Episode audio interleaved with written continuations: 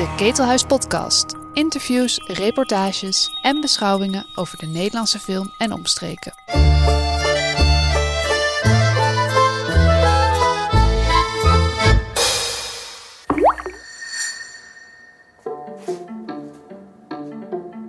Dit keer hebben we een wat langer Itva-journaal. Floortje Smit ging uitwandelen met Coco Schrijber.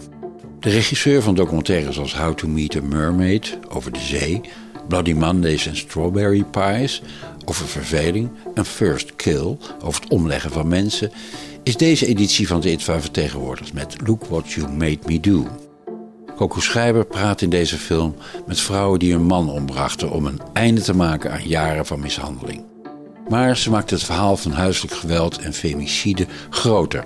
Ze plaatst het in onze cultuur, waarin we vrouwen het liefst passief zien en waarin we leren dat jongens meisjes slaan omdat ze ze leuk vinden.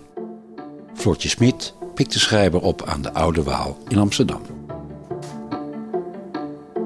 Je zei, we gaan deze kant op lopen. Waarom deze kant eigenlijk? Dat weet ik niet. Licht in de rug en minder lawaai. Het is gewoon loca film locatie technisch beter. Oh, zo kijk jij gewoon ook naar de buurt als je naar buiten loopt. Ja. Kom, we gaan weer op de stoep, anders denken ze dat we toeristen zijn. En dat zijn we natuurlijk niet. Hey, ik, eh, waar heb ik je nou net opgehaald? Want jij eh, woont hier niet meer in Amsterdam, toch? Nou, dit is wel gewoon mijn huis. Maar ik ben hier niet zo vaak meer. Want ik woon op een eiland in de oceaan. Echt? ja, ik geloof het zelf ook niet, maar het is wel eh, fantastisch. En het is daar lekker warm. En hier heb ik, ik heb nu net een nieuwe winterjas gekocht, maar ik ben een enorme koukleum. Maar hoe beland je op een eiland in de oceaan? Ja, dat is allemaal de schuld van mijn briljante vriend. Die dan op de bank ligt en zegt: Zullen we niet eens op een eiland in de oceaan gaan wonen? Meestal zeg ik nee tegen al zijn goede invallen. en dan gaan we het toch doen. En denk ik: Oh ja, dit is fantastisch. Nou, zo. En wat voor huis heb je daar dan? We gaan ietsje langzamer lopen, want ik, ben, ik, ik kan geen twee dingen tegelijk, sowieso. ik ga kijken of ik kan wandelen en praten. We mogen af en toe stoppen hoor. Oh, gelukkig. Ja. Wat vroeg je ook weer? Wat voor huis je daar hebt? Ja, gewoon. Niet iets wat echt bij een documentairemaker past, zeggen mensen mij altijd. Blijkbaar denken ze dat documentairemakers armoedzaaiers zijn. Dat zijn we natuurlijk ook.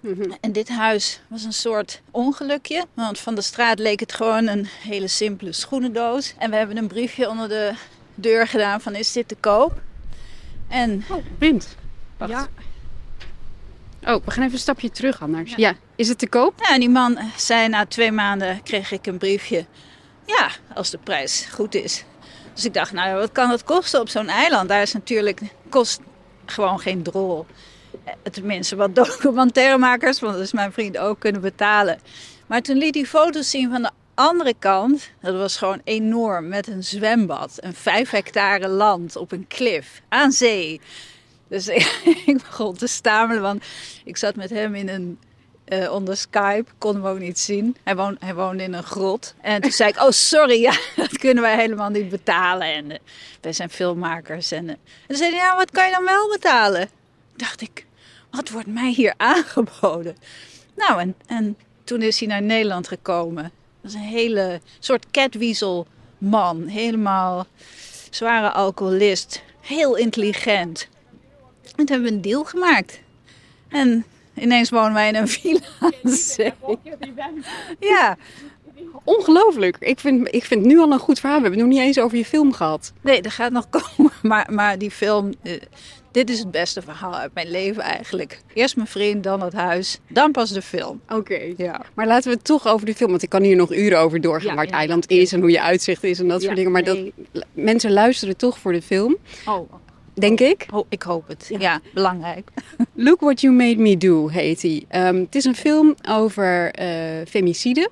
Over moord op, op vrouwen door hun partner. Maar dan verteld um, door mensen die dat niet is overkomen. Omdat ze eigenlijk hun partner een stapje voor waren door hem eerst om te leggen. Ja. Dus het is omdat zij een besluit hebben genomen. Omdat die vrouwen zo sterk waren om te zeggen: basta, wacht even, wat is hier aan de hand? Is het dus geen film over femicide, maar over kracht en over woede en over jezelf toestemming durven ge geven om zo'n besluit te nemen, om jezelf te redden. En daar gaat die film over.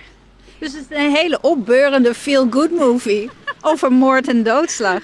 Nou, meestal als het gaat over huiselijk geweld en, en over moord op vrouwen, zijn het allemaal films met, met slachtoffers. En die zijn allemaal heel Ja, treurig. En deze vrouwen zijn natuurlijk wel in zekere zin heel krachtig. Nou ja, ik denk dat alle vrouwen dat zijn. Hè, vrouwen zijn gewoon van nature weerbaar. Maar ja, in onze maatschappij hoe wij worden opgevoed, ook door je eigen moeder, wordt, wordt je toch bijgebracht van doe dat nou maar niet. En gedraag je nou maar als een meisje. Dat je denkt, wat is dat dan precies? En ik wilde echt geen film maken over slachtoffers. Het woord slachtoffer staat mij zo tegen, is ook niet op mij van toepassing.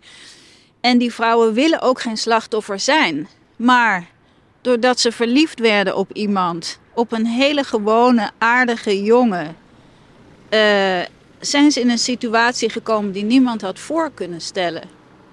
En daarom is huiselijk geweld zo'n gevaarlijk en, en interessant onderwerp, omdat het je langzaam overkomt. Je, je kunt niet zeggen van, waarom ga je eh, eh, met zo'n man trouwen? Want die ziet er helemaal niet uit als een, als een iemand, hè, als een bokser, als iemand die je helemaal lens slaat. Het is gewoon de, de man eh, waar je van houdt en de vader van je kinderen. En, en iemand die eh, geliefd is op werk, leuke feestjes organiseert. Dat zijn dat soort mannen. Ja, en het zijn vaak de mannen die één keertje dan slaan en dan zeggen: Oh, sorry, ik ga het echt nooit meer doen. Ja.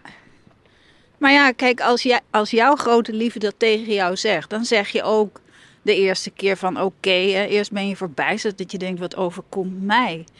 En dan zegt hij, ik, ik weet niet wat me bezielde en ik ben gestrest en ik, hè, werk is zwaar en eh, kom alsjeblieft bij me terug, ik hou zo van je. En dan denk je, ja, oké. Nou, en dan, en dan doe je dat. Ja. En nog een keer. En nog een keer blijkt. En nog wel tien of, of twintig keer. En daarna zit je vast. Ja, want dan heb je misschien nog een kind gekregen. Of je hebt samen een huis gekocht. Of je bent een, samen een zaak begonnen. Dat kan ook. Hè? Dat je gewoon... Er zijn ook hele praktische bezwaren waarom je bij elkaar wil blijven.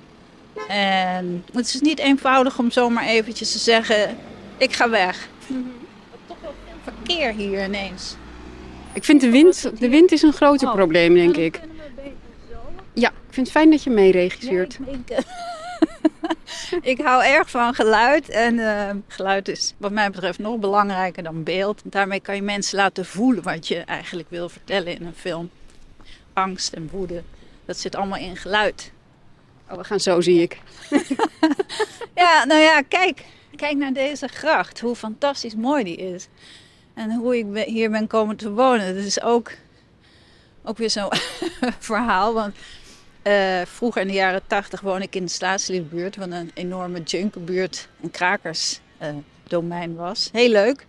Maar na drie jaar had ik het wel gezien.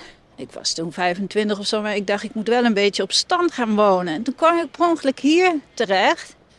De Oude Waal is dit, hè? Een van de mooiste stukken van Het Amsterdam. is toch gewoon niet te geloven. En het was ook nog winter, dus het was bevroren. Er was, eh, mensen waren aan het schaatsen. Ik dacht echt, ik sta in een Breitner-schilderij. Hoe kom ik hier terecht? En toen ben ik gewoon eh, aan de overkant overal gaan aanbellen. Met de vraag, heeft u nog een kamertje of een balkon of een souterrain? Kan ik hier wonen?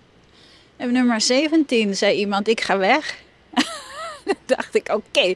En het was van een makelaar. En ik had een hanenkam en ik dacht, hoe kan ik netjes naar dat kantoor gaan? Dus heb ik die hanenkam helemaal plat en een mantelpak, nou niet een mantelpakje, maar wel een rokje aangetrokken. Maar die man was ook blij dat hij er van af was, want het is echt een krot. Ik kon echt mijn vinger door de muur, maar het kostte ook maar 150 euro per maand. En ineens woonde ik op een gracht, dus dacht ik, nou, dit leven gaat heel goed eh, beginnen. Nou ja, je hebt nu dat andere huis, het leven gaat. Je hebt altijd mazzel met huis, maar je dwingt het ook wel zelf af, moet Nou, ik ik zeggen. ga wel op zoek. Ik ga niet. eh, ik merk soms wel eens dat mensen tegen mij zeggen: Ja, dat wil ik ook wel. En dan denk ik: Ja, nou, ga het doen. Hè. Ga briefjes schrijven. En Ik heb niet zomaar dat huis op dat eiland gevonden. Wij zijn echt drie jaar gaan zoeken naar allerlei eilanden geweest. Bij talloze huizen briefjes eronder gestopt. En één keer zegt iemand: Ja hoor, is goed. We gaan toch weer terug naar de film. Oké, fijn. Ja, ik vond het een film. Er zit heel veel. Uh... Ja, we gaan zitten. Dat is een goed idee. Je neemt inderdaad echt de boel over. Oh ja, sorry. Zo mijn natuur. Ja, ik vind het leuk. Um, ik vind dat er heel veel onderhuidse woede uh, in de film zit. Ja. Waarom? Nee, laat ik het zo zeggen. Het voelt alsof je hem ook uit woede gemaakt hebt. Um, ja, woede was wel een drijfveer. Ook, ook over het feit gewoon dat er zoveel vrouwen worden vermoord. Dat, weet, dat weten vrouwen natuurlijk zelf wel, want je bent daarop gefixeerd en je leest erover. Maar je bent het ook normaal gaan vinden. En ik dacht dat die woede daarover eigenlijk al weggeëpt was. Dat ik daar dat dat verdwenen was. Maar dat bleek niet zo. En hoe meer ik erover las, hoe woedender ik werd. En ook tegen mijn vriend dingen voor ging lezen in de krant van wat er nu weer een vrouw was overkomen. En na 20 of 30 van die berichten zei: Waarom moet ik dat allemaal aanhoren? Dat is toch verschrikkelijk? Hij zei: Ik ben toch niet zo'n man? Ik zei: Nee, dat weet ik. Maar ik ben gewoon woedend waarom jij en ik samen, wij allemaal niet gewoon de straat op gaan en, en boos worden en zeggen: Dit is onacceptabel dat er zoveel vrouwen, ruim 30.000 elk jaar, worden vermoord door hun man. Dus niet door de rest van de wereld bij een roofoverval of in de oorlog, gewoon thuis. Dat is onacceptabel.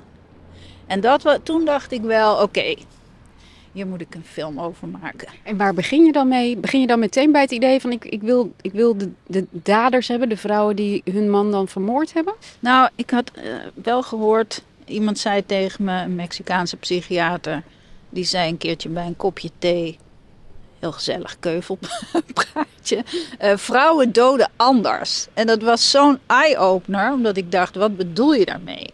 Maar ze zei, vrouwen hebben niet de fysieke kracht om iemand te wurgen of dood te slaan, zoals mannen dat in zo'n geval misschien wel kunnen. En toen dacht ik, oh, dat is heel interessant. Daar heb ik nog nooit over nagedacht. Vrouwen moeten heel intelligent zijn en van tevoren bedenken hoe ga ik dat dan doen. Waardoor ze natuurlijk ook heel berekenend overkomen en zwaarder gestraft worden. dus eigenlijk doden vrouwen naar kalm beraad, niet in een vlaag van verbijstering of een woedeaanval of maar denken goed over na. En omdat je goed hebt nagedacht, word je eigenlijk nog zwaarder gestraft. dat je je eigen leven hebt weten te redden, dat moet je ja, dat wordt afgestraft. Was het ehm, lastig om die vrouwen over te halen om, om mee te werken? Nee, helemaal niet. Want uh, voor ons als buitenstaander heb je er allemaal ideeën over en oordelen. Moord is natuurlijk ook niet goed te keuren. Nee, we kunnen dat niet goed praten. Nee, moord is nooit uh, goed te keuren. Maar als het een keuze is, zoals een, een vrouw in die film zegt, een heel jong meisje. Als het de keuze is tussen jou en mij, dan kies ik toch voor mezelf. Of ik dat nou wil of niet. In, in mijn overlevingsdrift heb, heb ik die man neergestoken. Dus het is ook niet een heel rationele eh, overweging dat je iemand vermoordt. Maar die vrouwen schamen zich niet voor hun daad. Ze zijn wel daders, dat vinden ze zelf ook. Ze, uh, moeten ook allemaal aan het eind van die film even een traan laten.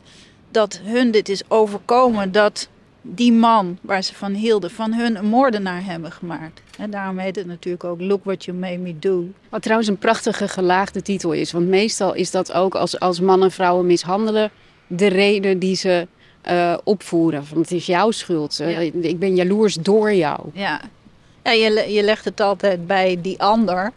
Hè, kijk, wat je me nu wil laten doen is jouw schuld dat ik je een blauw oog heb geslagen. Zo gaat het. En ik dacht, het is een hele mooie titel om het nu om te draaien. Er zit zelfs iets van uh, genoegdoening in dat je denkt als vrouw, misschien ook wel als man, van zo, nu is even de ander aan het woord. Je vraagt ze eigenlijk niet naar uh, momenten van spijt of, of wroeging. Dat lijkt me ook een hele bewuste keuze. Of heb je het er allemaal uitgeknipt? Nee, daar was ik niet naar, in, naar geïnteresseerd. Omdat ik weet dat vrouwen uh, er lang over nadenken voordat ze het doen. Dus, uh, maar ik wilde ook niet zo'n film maken die op dat gevoel gaat zitten van wat voelde je toen en hoe was het. Ik wilde het echt een film maken vanaf dat omslagpunt. ik heb een besluit genomen en dan? Dan vraag ik ook, nou, hoe is het om een pistool in je hand te voelen? Wat had je aan? Had je een pyjama aan? Uh, wat voor weer was het? Dat soort dingen. En daar geven ze antwoord op. Zodat je een beetje voor je ziet, uh, geschilderd van het moment van nu ga ik dat doen. Hoe heftig dat is om dat te gaan doen. Het zijn niet alleen interviews die je doet. Je gebruikt ook materiaal eromheen. En een van de dingen die je gebruikt is een scène van een man die ruzie krijgt met zijn vriendin. Het is allemaal gefilmd met beveiligingsbeelden. En ehm, daarna valt zij uit een raam en gaat hij ook nog met dat lichaam staan sjorren in een lift. Hoe in hemelsnaam kom je aan dat materiaal?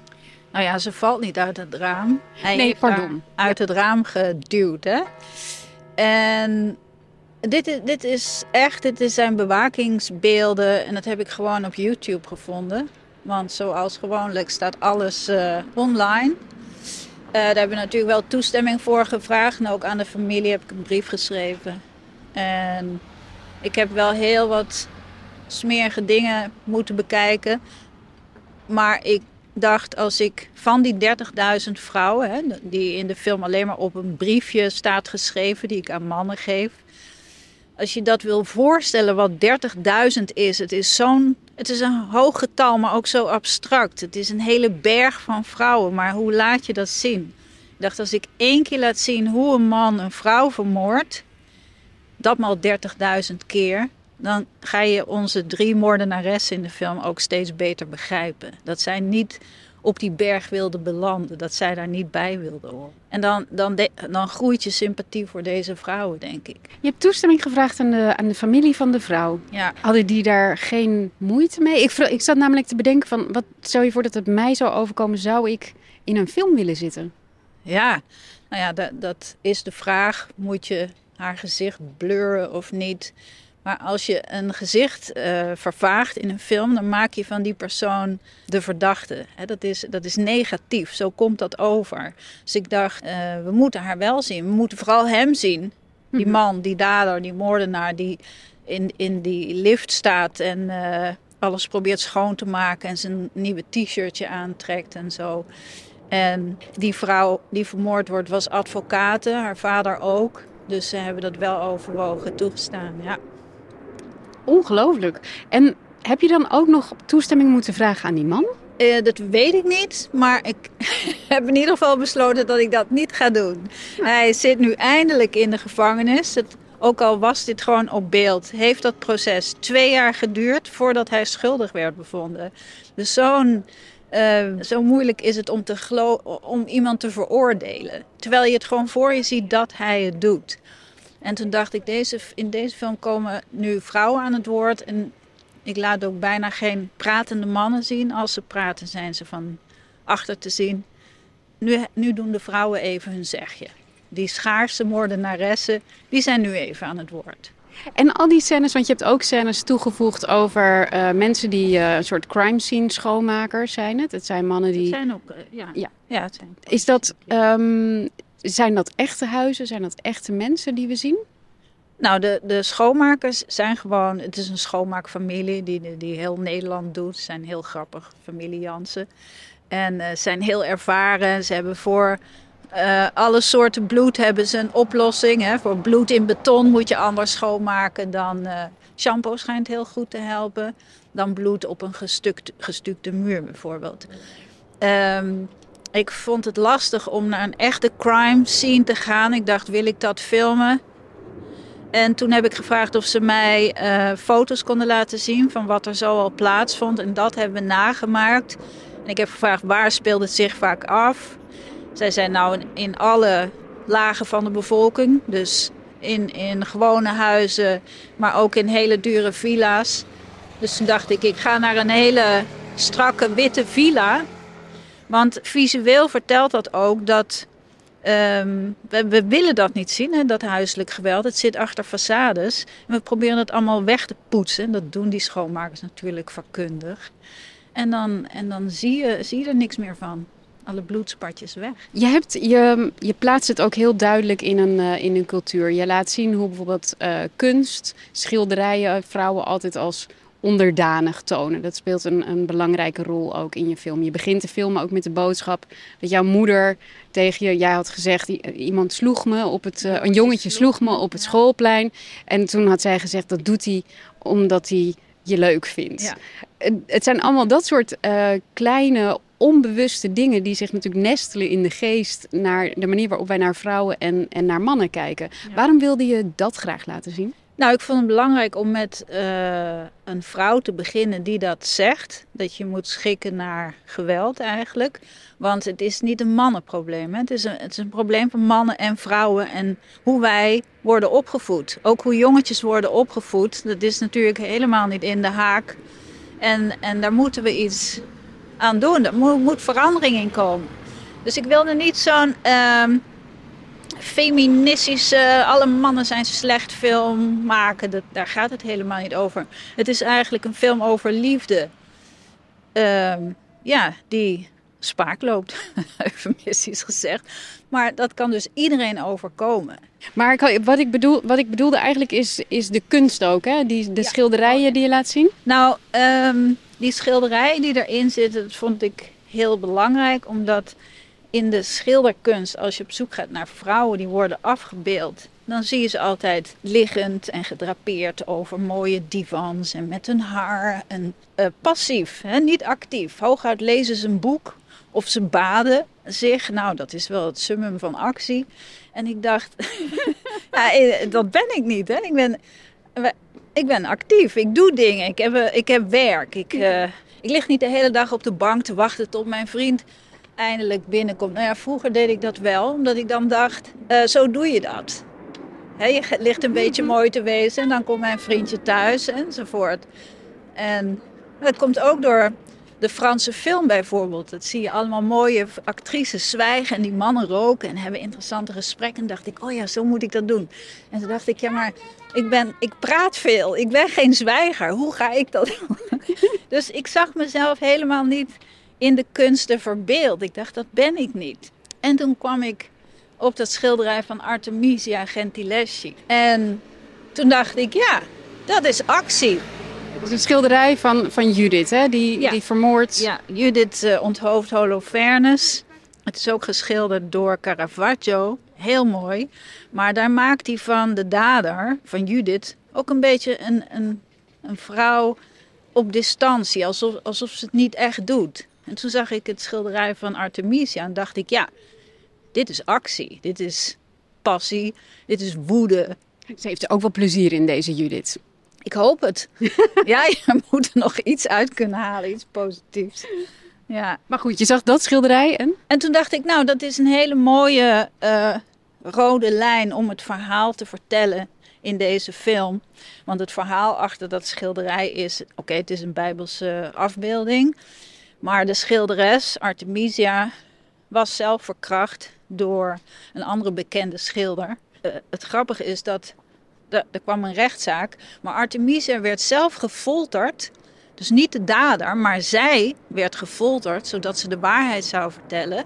Uh, dus eigenlijk is het een hele biografische afbeelding die ze daar maakt. En ze kreeg er ook heel veel succes mee, meer succes dan de man. Dus dat was ook een zeer bevredigend gevoel. Wanneer dacht jij, ik ben niet die vrouw die op die bank ligt eigenlijk? Wanneer dacht je, wat, wat raar dat ik zo word afgebeeld als vrouw? Ja, omdat dat ik merkte van, dan lag ik op de bank en dan na vijf minuten dacht ik zo. Ik ga wat doen. Of ik heb iets te zeggen. Of uh, ik wil praten. Of uh, actie, dingen doen. En toen dacht ik, ja, maar dat ga ik niet volhouden. Ik bedoel, uh, mij is wel geleerd door mijn moeder bijvoorbeeld. Maar ook door de commercie om je heen. Dat je mooi moet zijn en aantrekkelijk en leuk. Ehm, hè, om, om, zodat een man jou ziet. Maar ik dacht, ik, ik hij moet mij op een andere manier zien, zoals ik ben. dacht ik, nou wie ben ik dan? En het grappige was, bij een vorig vriendje veranderde ik dus compleet in wie ik gewoon ben. En dat ging een maand later uit. dus toen dacht ik nog van, oh ja. Ze willen me niet zoals ik ben. Ze willen zo'n wachtende vrouw. Dus wel, heel veel jongens of mannen Ik denk dat het nu een beetje aan het veranderen is. Ik kom allemaal leuke jongere mannen tegen die echt wel anders zijn. Opgevoed en heel anders instaan. Dus er is hoop.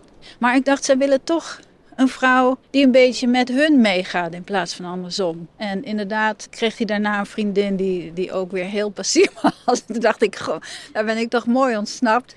En mijn huidige vriend is natuurlijk fantastisch. En die is heel anders. Ja. Maar het is wel een soort uh, de omslag. En het heeft mij bijvoorbeeld best lang uh, gekost voordat ik me realiseerde hoe ontzettend uh, veel die beelden er zijn. En wat voor invloed ze op mij hebben gehad.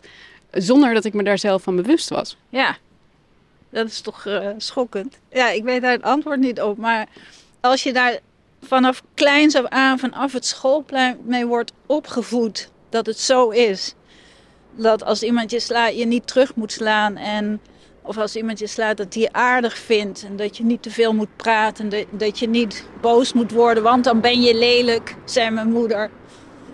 En als je dat in de commercie terugziet, in reclames en in films. Artistieke films van Godard, dat je denkt, what the fuck? dan is het heel moeilijk om daaruit los te breken en te zeggen: Ik ben dit niet. Dit ben ik. Ik denk dat ik ongeveer vanaf mijn nou, zevende of zo heb gehoord dat ik niet zo boos moet kijken door mannen op straat. ja, dat had ik vroeger ook. Blijkbaar keek ik altijd naar de grond als kind. Vrij boos. Nou ja, niet boos, maar waarom zou je niet in je eentje lopen lachen? Maak me aan het lachen, dan ga ik lachen. Waar, waarom zeg je al mijn uh, de buren en zo mensen die je dan tegenkwamen, zeiden: lach eens even. Ja, dacht ik, ja, maar om. Hoi, ik heb een pakje voor vrouwtje. Waar? Echt waar? Ja. Zo. Ik beledig mensen zo vaak zonder het te willen. We hadden het over dat boos kijken. Um, en jij zegt dat je de hele tijd ruzie maakt met mensen. Oh, hoe, hoezo maak jij de hele tijd ruzie met mensen? Of krijg je, krijg je nou, ruzie of maak je ruzie? Nee, ik hou helemaal niet van ruzie. Ik hou helemaal niet van confrontatie. Maar um, blijkbaar heb ik toch een mening die er dan. die ik er heel vriendelijk uit. Nou, ik flap het er niet uit, ik zeg het gewoon. Maar um, ik beledig wel vaak ongewild heel veel mensen, ja, helaas. Zoals George Clooney bijvoorbeeld. Hoe kan je George Clooney nou ongewild beledigen? Ja, dat was een hele aardige man. Heel vriendelijk. Uh, ik was toevallig op een set waar hij was. En we gingen Nespresso drinken, ook dat nog. En hij liet, uh, hij had een nieuwe iPhone net. En hij liet mij daar allemaal die appjes op zien. En uh, hij was er heel blij mee. En hij zei, kijk, dit is Shazam. Dan kun je dat... En ik zei, dude, dat is echt al drie jaar oud, weet je wel. En hij was heel erg gekwetst. Dat Heb je, serieus, George, maar was hij echt gekwetst? Nou ja, kijk, het is, een, het is een topacteur en een heel beroemd iemand. Dus helaas word je omringd door mensen die altijd de juiste dingen zeggen. Nou, ik ben Nederlands en wij zijn van nature bot, dus dat lukt niet. Ja, aan het eind van de dag is het wel weer een beetje goed gekomen. Maar toch niet goed genoeg om te zeggen... zullen we even een fotootje maken met je nieuwe iPhone? Maar wat deed jij op die filmset eigenlijk? Um, ik ging met eh, John Malkovich, die in eh, Bloody Mondays en Strawberry Pie zit. Die speelde God in de Nespresso commercial. En wij gingen werken aan, samen, want hij wilde een film van mij produceren aan een nieuw uh, film, speelfilmscenario, Ola en de Dingen. En we gingen daar schrijven in Milaan. Dat was heel erg leuk. En overdag zaten we op die set.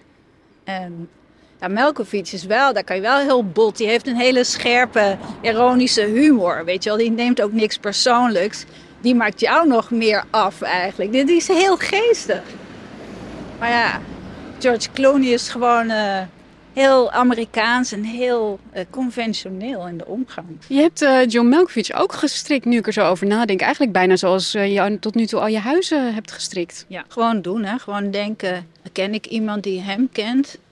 Hoe, hoe doe ik dat? Toen las ik inderdaad dat hij van borduren hield. En dacht ik, nou, dan moet ik origineel zijn en dan borduur ik mijn brief aan hem. En ondertussen had ik via via, het duurde echt maanden, was ik achter zijn e-mailadres gekomen. En toen kreeg ik een mailtje van hem. Dear Miss Schreiber, I found your proposal hilariously intriguing. tea? Oké, ik sprong echt meteen op. En toen moest ik naar Parijs. Dan ging we thee drinken. Hoe lang duurt het borduren van een brief? Ehm, nou, ik kan niet borduren. Dus ik, ik, eerst heb ik een, eh, ben ik naar een mevrouw in een bejaardenhuis gegaan. Die heb ik 50 euro gegeven. En die heeft een beginnetje gemaakt. Het duurde ook een maand. En toen had ze alleen nog maar Dear Mr. Melkovic in klassieke letters. En dacht ik, dit gaat nergens heen.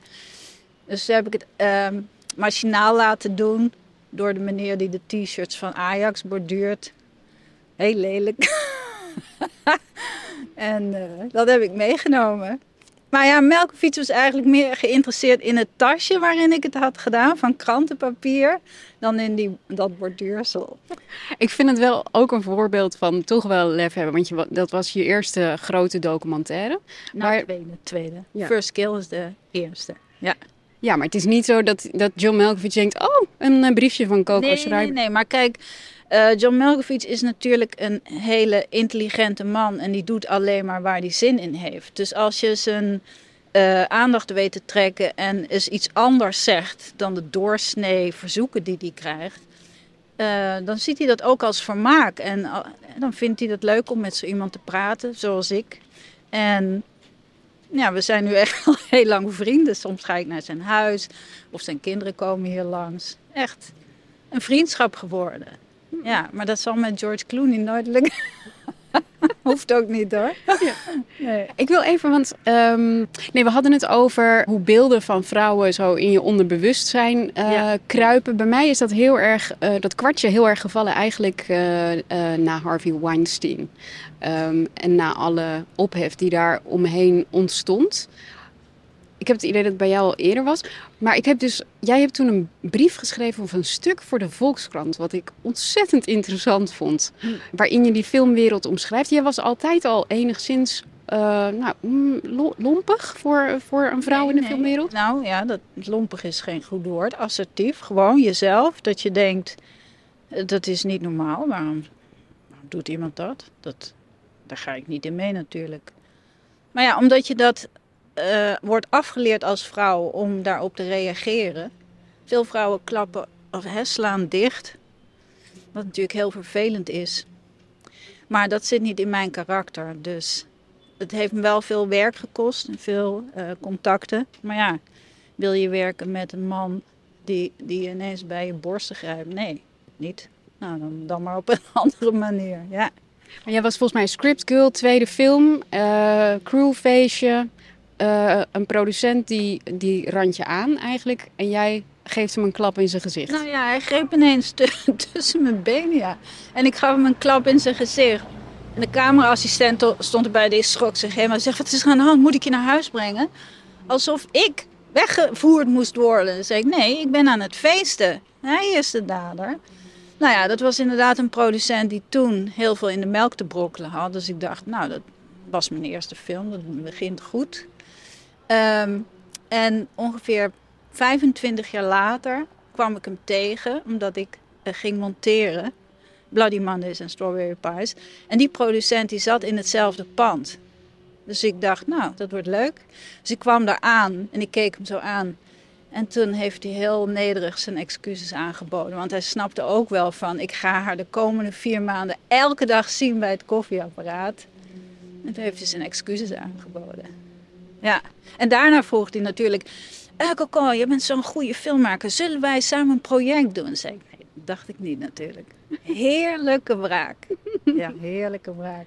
Maar ben jij, want jij zei net zelf al van ik ben ook opgevoed met als een, uh, als een jongen je, je pest, dan, dan meisjes plagen, zoentjes vragen. Hoe, hoe doorbreek je zo'n patroon van denken? Nou, gewoon, gewoon signaleren dat, dat je daar ongelukkig van wordt. Dat je denkt, het klopt niet dat ik dat daarin meega. Dat ga ik de volgende keer anders doen. Maar je moet je er wel bewust van zijn en niet aan jezelf twijfelen. En heel veel vrouwen, denk ik, twijfelen aan zichzelf. En die denken van, ik ben overgevoelig of ik moet meedoen met de jongens of ik moet die humor dan maar leuk vinden. Maar waarom zou je niet zeggen van, hou eens je bek of uh, laat me met rust? Wat, wat is daar raar aan? Nou, omdat je dan de paria bent. Dat mag niet, dat is niet sociaal geaccepteerd. Nou, nu wel. Sinds kort wel. Uit wat voor, ehm, uit wat voor nest kom je eigenlijk? Ik kom uit een heel acultureel burgerlijk gezin. Gewoon hele nette ouders in een partiekwoning in een achterbuurt in Den Haag. Ik heb begrepen dat het nu in de top drie van de slechtste buurten van heel Nederland staat. dus daar kom ik vandaan. Maar ik had wel hele nette, lieve ouders. En, maar vo volledig acultureel. Hoe beland je dan op de Rietveld? Nou, omdat je niet het product bent van alleen je ouders. Je bent natuurlijk wie je bent en dat moet je uitvogelen en wat, wat ga je daarmee doen. En als je dat combineert met een beetje durf, dan kom je al een heel, heel stuk. Ja. Hoe kwam je dan in aanraking met kunst? Ik had drie jaar over de wereld gereisd. En toen dacht ik, ik moet terug naar huis voor ik helemaal onaangepast word. Ik moet iets gaan doen. En toen dacht ik, of ik ga psychologie studeren om mezelf te kunnen analyseren. Maar ik zag wel dat het een beetje uit de hand liep. Of ik ga naar de Rietveld, want daar zitten alle sukkels. En daar pas ik wel bij. Dat was een hele goede keuze. Ik werd er wel al na drie jaar afgestuurd. Maar ja, dat zie ik ook als een compliment. Waarom werd je van de Rietveld afgestuurd? Ook daar zijn regeltjes. Ook daar moet je aan de normen houden. Ja, niet gelukt. Wat heb je gedaan dan? Nee, dat, gaat, dat voert te ver. Dat voert te ver. Ja, dat voert te ver. Ah. Ja. Maar er was wel één docent die had alle vertrouwen in mij. Dus die belde mij op toen ik was weggestuurd. En toen zei hij: Kom gewoon naar school. Ineens zit je, smokkelen we weer, weer jou in het vierde jaar en heeft niemand door. Maar toen had ik al een editor opgebeld: Otlau, mag ik bij jou stage lopen? Dus zo is het begonnen.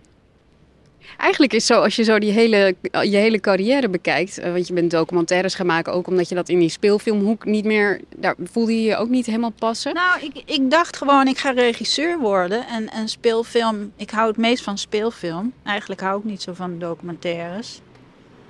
Maar om, ze, om speelfilms te maken, dat vond ik eh, super saai. Of daar, daar lag mijn passie niet. Ik wist eigenlijk niks van documentaire. En documentaire maken is geweldig dat het gewoon nog niet bestaat. Dat je niet van tevoren alles hebt bedacht. Dat je een idee hebt en dat je een premisse hebt en dat je denkt, daar gaat het over en nu ga ik dat zoeken. Dat is het avontuur.